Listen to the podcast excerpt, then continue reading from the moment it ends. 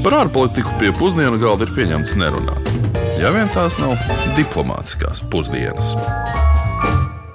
Labdien, nesiet sveicināti diplomātiskajās pusdienās. Līdzīgi kā pagājušajā reizē, arī šoreiz runāsim par kādu valsti, kur atrodas no mums pietiekami tālu, Āfrikā, bet par kurā notiekošo mēs noteikti varam vilkt paralēlus arī ar pašreiz Ukrainā notiekošo karu un tur pastrādātiem karu noziegumiem. Kāpēc par vienu karu runā visa pasaule, par citu, kurš arī turpinās gadiem, mēs runājam daudz mazāk. Šodien dosimies uz Etiopijas Federatīvo Demokrātisko republiku, un kā vienmēr ar jums kopā Uģis Lībijams un dr. Kārls Bukovskis. Nu, mūsu klausītājiem Etiopija noteikti būs zināma ar arabika kafijas pupiņām, nu, arī piemēram ar saudabīgo situāciju par reliģijām. Nu, proti, Etiopija ir vēsturiskās saites ar visām trim pasaules lielākajām abramu reliģijām - islāmu, kristietību un jūtīšu. Jau 4. gadsimtā Etiopijas teritorija bija viena no pirmajām vietām pasaulē, kas oficiāli pieņēma kristietību kā valsts reliģiju un tieši Bizantijas pareizticīgo versiju. Nu, šobrīd arī valstī, protams, ir ievērojama musulmaņu kopiena, apmēram trešā daļa iedzīvotāji. Tādēļ vēl viena lieta, par kuru, acīm redzot, klausītāji varētu būt dzirdējuši, ir arī par vēlēšanu, un ne tikai vēlēšanu, bet no reliģijas saistītā vardarbība starp musulmaņiem un kristiešiem. Starp citu, līdzīgi kā arī citas Āfrikas valstis, Etiopija ir daudzveidīga valodas ziņā. Tas ir tikai loģiski, jo valstī dzīvo 110 miljoni iedzīvotāji un tie runā vismaz 90 valodās. Tajā pašā laikā angļu valoda ir visizplatītākā svešvaloda. Tā tiek izmantota kā pamata mācību valoda vidusskolās un augstskolās. Un angļu valodā ir arī visi federālajie likumi, tostarp arī 95. gada konstitūcija. Etiopija, kas ir būtiski atzīmēta, ir arī vecākā neatkarīgā valsts kontinentā. No visām 54, ja mēs tā skaitām Āfrikas valstīm, Etiopija ir vienīgā, kas nekad nav bijusi līdz galam kolonizēta. Izņēmums būtu Itālijas pagājušā gadsimta 30. gados, gados notikusi Abesīnijas, jeb Etiopijas un Eritrejas teritorija okupācija, kas ilga apmēram 5-6 gadus. Vienlaicīgi gan pilnīgi kontroli Itālijai tā arī neizdevās iedibināt un nostiprināt. Etiopijas neatkarīgā vēsture ir arī viens no izskaidrojumiem tam, kādēļ tā ieņem pirmo vietu starp Āfrikas valstīm, kurā ir visvairāk UNESCO pasaules mantojuma objektu. Kopumā to ir deviņi. Starp tiem arī senāko cilvēku paliek uz Zemes, kuri dzīvojuši tur apmēram pirms 3,2 miljoniem gadu. Bet nu gan laiks uzzināt, ko par Etiopiju zināt jūs. Ar ko jums asociējas Etiopija? Etiopija bija tāda jā, eksotiska valsts, Etiopija. Nu, tā, tur viss tas, tas klimats bija. Cik man kauns geogrāfiski? Jā, Āfrikā. Mhm. Pareizi. Jā, kas vēl? Nu, diezgan grūta dzīve tur viņiem laikam ir. Mhm. Es tā domāju. Varbūt arī ne. Mhm. Vairāk tādu viņš neko nezina, nemācīšu pateikt. Nu, tur es nezinu, tur cik es dzirdēju, vietējiem nav nekāda dzīves labi apstākļi. Tādā ziņā karstāvoklis laikam kaut kāds tur arī ir. Kaut ko siltu, bet tajā pašā laikā nu, man liekas drusciņi par nabadzību. Vēsturiski Etiopijas eh, impērija aizsākās 1270. Eh, gadā un ilga līdz pat 1974. gadam. Nu, tas parāda to, ka Etiopijas impērija ir viena no visilgākajām visu laiku pastāvējušajām impērijām. 74. gadā imperators eh, Haile Selassie tika gāzts no troņa valsts apvērsumā. Viņa laikā Etiopija pieņēma pirmo konstitūciju, starp citu par pamatu atdarinot Japānas 1890. gada konstitūciju. Un 1975. gadā kreisie spēki imperatoru gāza atcēla monarhiju monarhiju un izveidoja Etiopiju kā marksismu-leņinismu valsti. Nu, par valsts prioritātēm kļuva feudālās sistēmas atcelšana, lasīt prasmes palielināšana, nacionalizācija un visaptveroša zemes reforma. Jāsaka, ka šāds valdības modelis cieta gan vairākus apvērsumus, sacelšanās, bēgļu problēmas, arī plašu mērogu sausumu. Un komunistiskā sistēma valstī pastāvēja līdz 1991. gadam, un 94. gadā PSRS atbalstam beidzoties. Un uzrakstot jaunu konstitūciju, Etiopija kļuva par parlamentāru republiku ar divpalātu likumdevēju un tiesu sistēmu. Tomēr, neskatoties uz to, jāsaka, ka valsts iekšējie konflikti pēdējā desmitgadē nekur nav pazuduši, un valstī joprojām turpinās pilsoņu karš. Un šis konflikts sācinājās pirms diviem gadiem, kad 2020. gada novembrī Tigrejas reģionā sākās karš starp federālo valdību un reģionālo valdību. Līdz ar to Etiopijas valdība kopš 2020. gada novembra karo ar Tigrejas Tautas atbrīvošanas fronti. Kas ir interesanti, tad valsts, visas Etiopijas valsts militāra izdevumi ir 0,5% no valsts IKP. Salīdzinājumā ar Latvijas un Latvijas situāciju 2020. gadā tas Latvijai militārajiem izdevumiem tērē 2,27%. Un uz priekšu tērēs 2,5%. Un uz priekšu tērēs 2,5%. Un kas vēl interesanti, arī pašā laikā ir nedaudz arī citi cipari, kas parāda nedaudz otrādi. Tas parāda arī, cik eh, ekipēti ir katrs armijas karavīri. Jo Etiopijai ir apmēram 150 tūkstoši dienestu karavīru, kas konflikta sākumā vismaz bija reģistrēti. Salīdzinājumam Latvijas bruņotajiem spēkiem un zemesardzes kopā rēķinot, cipars ir nepilns desmit reizes mazāks, jeb 14,700 cilvēku. Starp citu, Etiopijas Nacionālā aizsardzības spēki eh, vienlaicīgi tāpatās ir lielākie militārie spēki Āfrikā. Dažādi bruņoti konflikti un kari noved arī pie vēl vienas ļoti nopietnas problēmas, pie dažādiem cilvēktiesību pārkāpumiem. Un pavisam nesen Startautiskā krimināla tiesa izveidoja īpašu izmeklēšanas komisiju šo cilvēktiesību pārkāpumu izmeklēšanai Etiopijā. Un to ir uzticēts vadīt bijušajai krimināltiesas galvenajai prokurorai Fatu Bensūdai.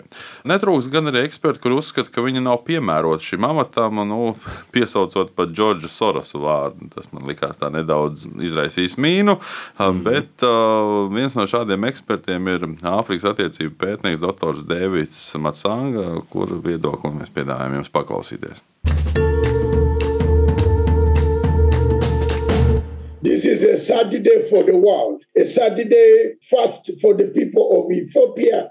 Šī ir skumja diena visai pasaulē un skumja diena Etiopijas un Tigrejas iedzīvotājiem. Kāpēc? Jo Fatu Bensūda pati ir pārkāpusi cilvēktiesības. Tas notika Gambijā. Otrakārt, viņi ir izgāzusi visas starptautiskajā krimināla tiesā uzsāktās lietas par notikumiem Āfrikā. Treškārt, viņai nav izdevies saukt pie atbildības nevienu, kurš ticis apsūdzēts noziegumos pret cilvēci.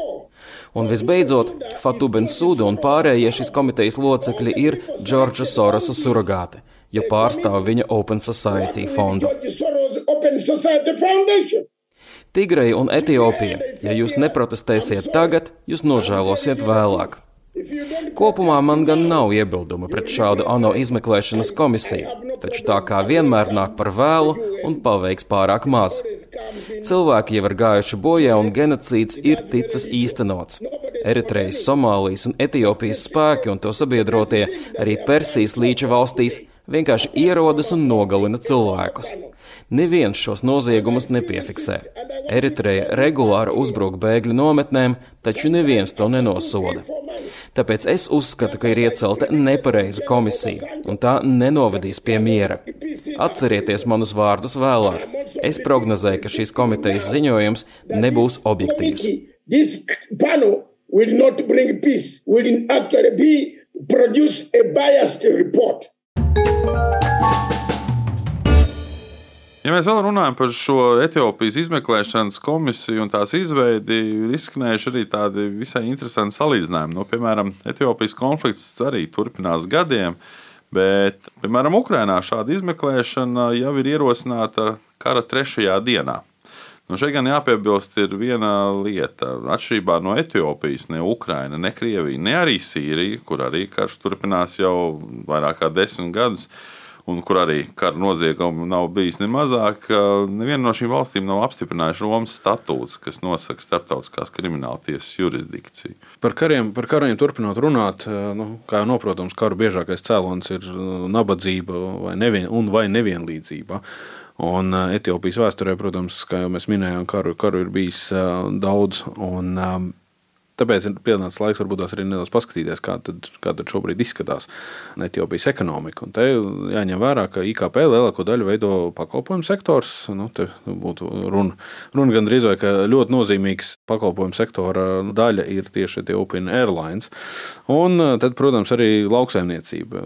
Gan jāmin, ka lauksaimniecība, cim redzot, ir kārtējs gadījums, kad ir relatīvi zema pievienotā vērtība. Kafija ir lielākā eksporta prece kas jau nebija, nav pārsteigums, un ārvalstu valūtas avots. Un, tāpēc bieži valstī arī ir ticis piemērots termins kafijas republika. Kafijas republika vai banāna republikas nu, aizskarošie termini viņi, viņi ir lietoti daudzos gadījumos. Te gan, protams, ir jāņem vērā, ka viņi ir attiecināmi uz monokultūras valstīm, kas principā ekonomika balstās uz vienu produktu eksportu. Un Etiopijas gadījumā gan pēdējos gados eksports ir dažādots, un eksportē arī tādas preces kā zelts, sezams, kā arī, protams, nu, lokopības un dārzkopības produkti. Neskatoties uz pēdējo gadu straujo izaugsmu, Etiopijas IKP uz vienu iedzīvotāju tomēr ir viens no zemākajiem pasaulē. Ekonomika saskars ar ļoti nopietnām struktūrālām problēmām. Nu, atkal salīdzinoši IKP uz vienu iedzīvotāju Etiopijā ir ap 2000 eiro. Latvijā tas ir apmēram 14 reizes lielāk. Jāmin, ka valstī ir būtiska loma ekonomikā un ekonomikas vadīšanā. Tādas nozares kā telekomunikācijas, bankas un apdrošināšana, un arī elektroenerģijas sadalē daļēji vai pilnībā pieder valstī. Kas ir interesanti, tad valsts no iepriekšējās politiskās sistēmas, šobrīd esošā valsts, ir saglabājusi arī konstitūcijā noteiktos noteikumus, kas nosaka, ka tiesības uz zemi pieder tikai valstī. Līdz ar to pilsoņi var iznomāt zemi, bet nedrīkst to ieķīlāt vai pārdot. Nu, te ir centieni panākt panākt to, ka zeme nonāk produktīvākā lietotāja rokās. Nu, rezultātā gan 80% darba spēka Etiopijā strādā tieši lauksaimniecības sektorā. Vai tas ir saistīts? Visticamākais. Interesanti būs redzēt, kā šī zemes reforma izpaudīsies Ukrajinā, kas arī, starp citu, tagad tieši paver vaļā savu zemes tirgu. Bet Etiopijā zemes sadala un pārvaldīšana tiek uzskatīta par jomu, kurā korupcija ir institucionalizēta. Un risinot ar zemi saistīts jautājums, bieži tiek pieprasīts veicināšanas, maksājumi. Nu, Sauksim to vienkārši par kukuļiem. Stimulējošu ziedojumu. Jā, tā kā zemes īpašuma tiesība nav, infrastruktūras projekti visbiežāk nu, tiek vienkārši veikti nejautājot zemes lietotājiem, kas pēc tam paliek zemes un māju. Tas izraisa daudzas valsts protestus un, un, un saglabā zemu lauksaimniecības produktivitāti. Nu, tam visam klāt papildus nāk arī sausais klimats. Nu, kopumā par Etiopiju laikam ir jāsacina, ka valsts ir nabadzīga ar iekšējiem un ārējiem konfliktiem, cilvēktiesību pamatīgiem pārkāpumiem un uh, arī demografiskajām problēmām, kas valstī, kas valstī izpaužās. Valstī ir novēroti uzlabojumi kopš 90. gada sākuma, kad tā skaitījās pasaulē pat nabadzīgākā valsts un ar visīsāko dzīves ilgumu vidējo. Un šobrīd atvēršanās pasaulē un ārvalstu investoriem nedaudz sāk mainīt šo situāciju. Nu, tad atliek tikai cerēt, ka tas tā arī turpināsies. Bet jebkurš pārējais posms ir ļoti sarežģīts. Lai cik būtu paēdis, vienmēr ir vieta arī desertam. Un deserta sadaļā mēs gribētu par Etiopiju runāt vārdu tiešākajā nozīmē, citos terminos un citos apmēros. Un runāt mēs gribētu par Etiopijas unikālo un diezgan neticamo laika mērīšanas sistēmu. Mm -hmm. Ceļot laikā, doties pagātnē. Nu, saudabīgi, jo Etiopijā viens gads ilgst 13 mēnešus, tradicionālo 12 mēnešu vietā. Un veids, kā tas darbojās, ir sekojošs. Valstī ir 12 mēneši ar 30 dienām katrā. Un pēdējā 13. mēnesī ir 5 dienas, vai nu, garajā gadā 6 dienas. Pie šādas sistēmas Etiopijas kalendārs atpaliek no tradicionālajiem kalendāriem par 7 gadiem un 8 mēnešiem. Kalendāra mērīšanas veida dēļ 2022. gada 11. septembris pēc rietumu kalendāriem Etiopijā būs jaunais gads, un tad iestāsies 2015. gads. Un šodien, mūsu šodienas 8. marta raidījumā, savukārt Etiopijā ir 2014. gada 28. jūlijas. Un šīs mērījuma atšķirības iemesls ir meklējams mūsu ēras 500. gadā. Un tajā gadā Katoļu baznīca mainīja savu aprēķinu par to, kad notiek Kristus dzimšana.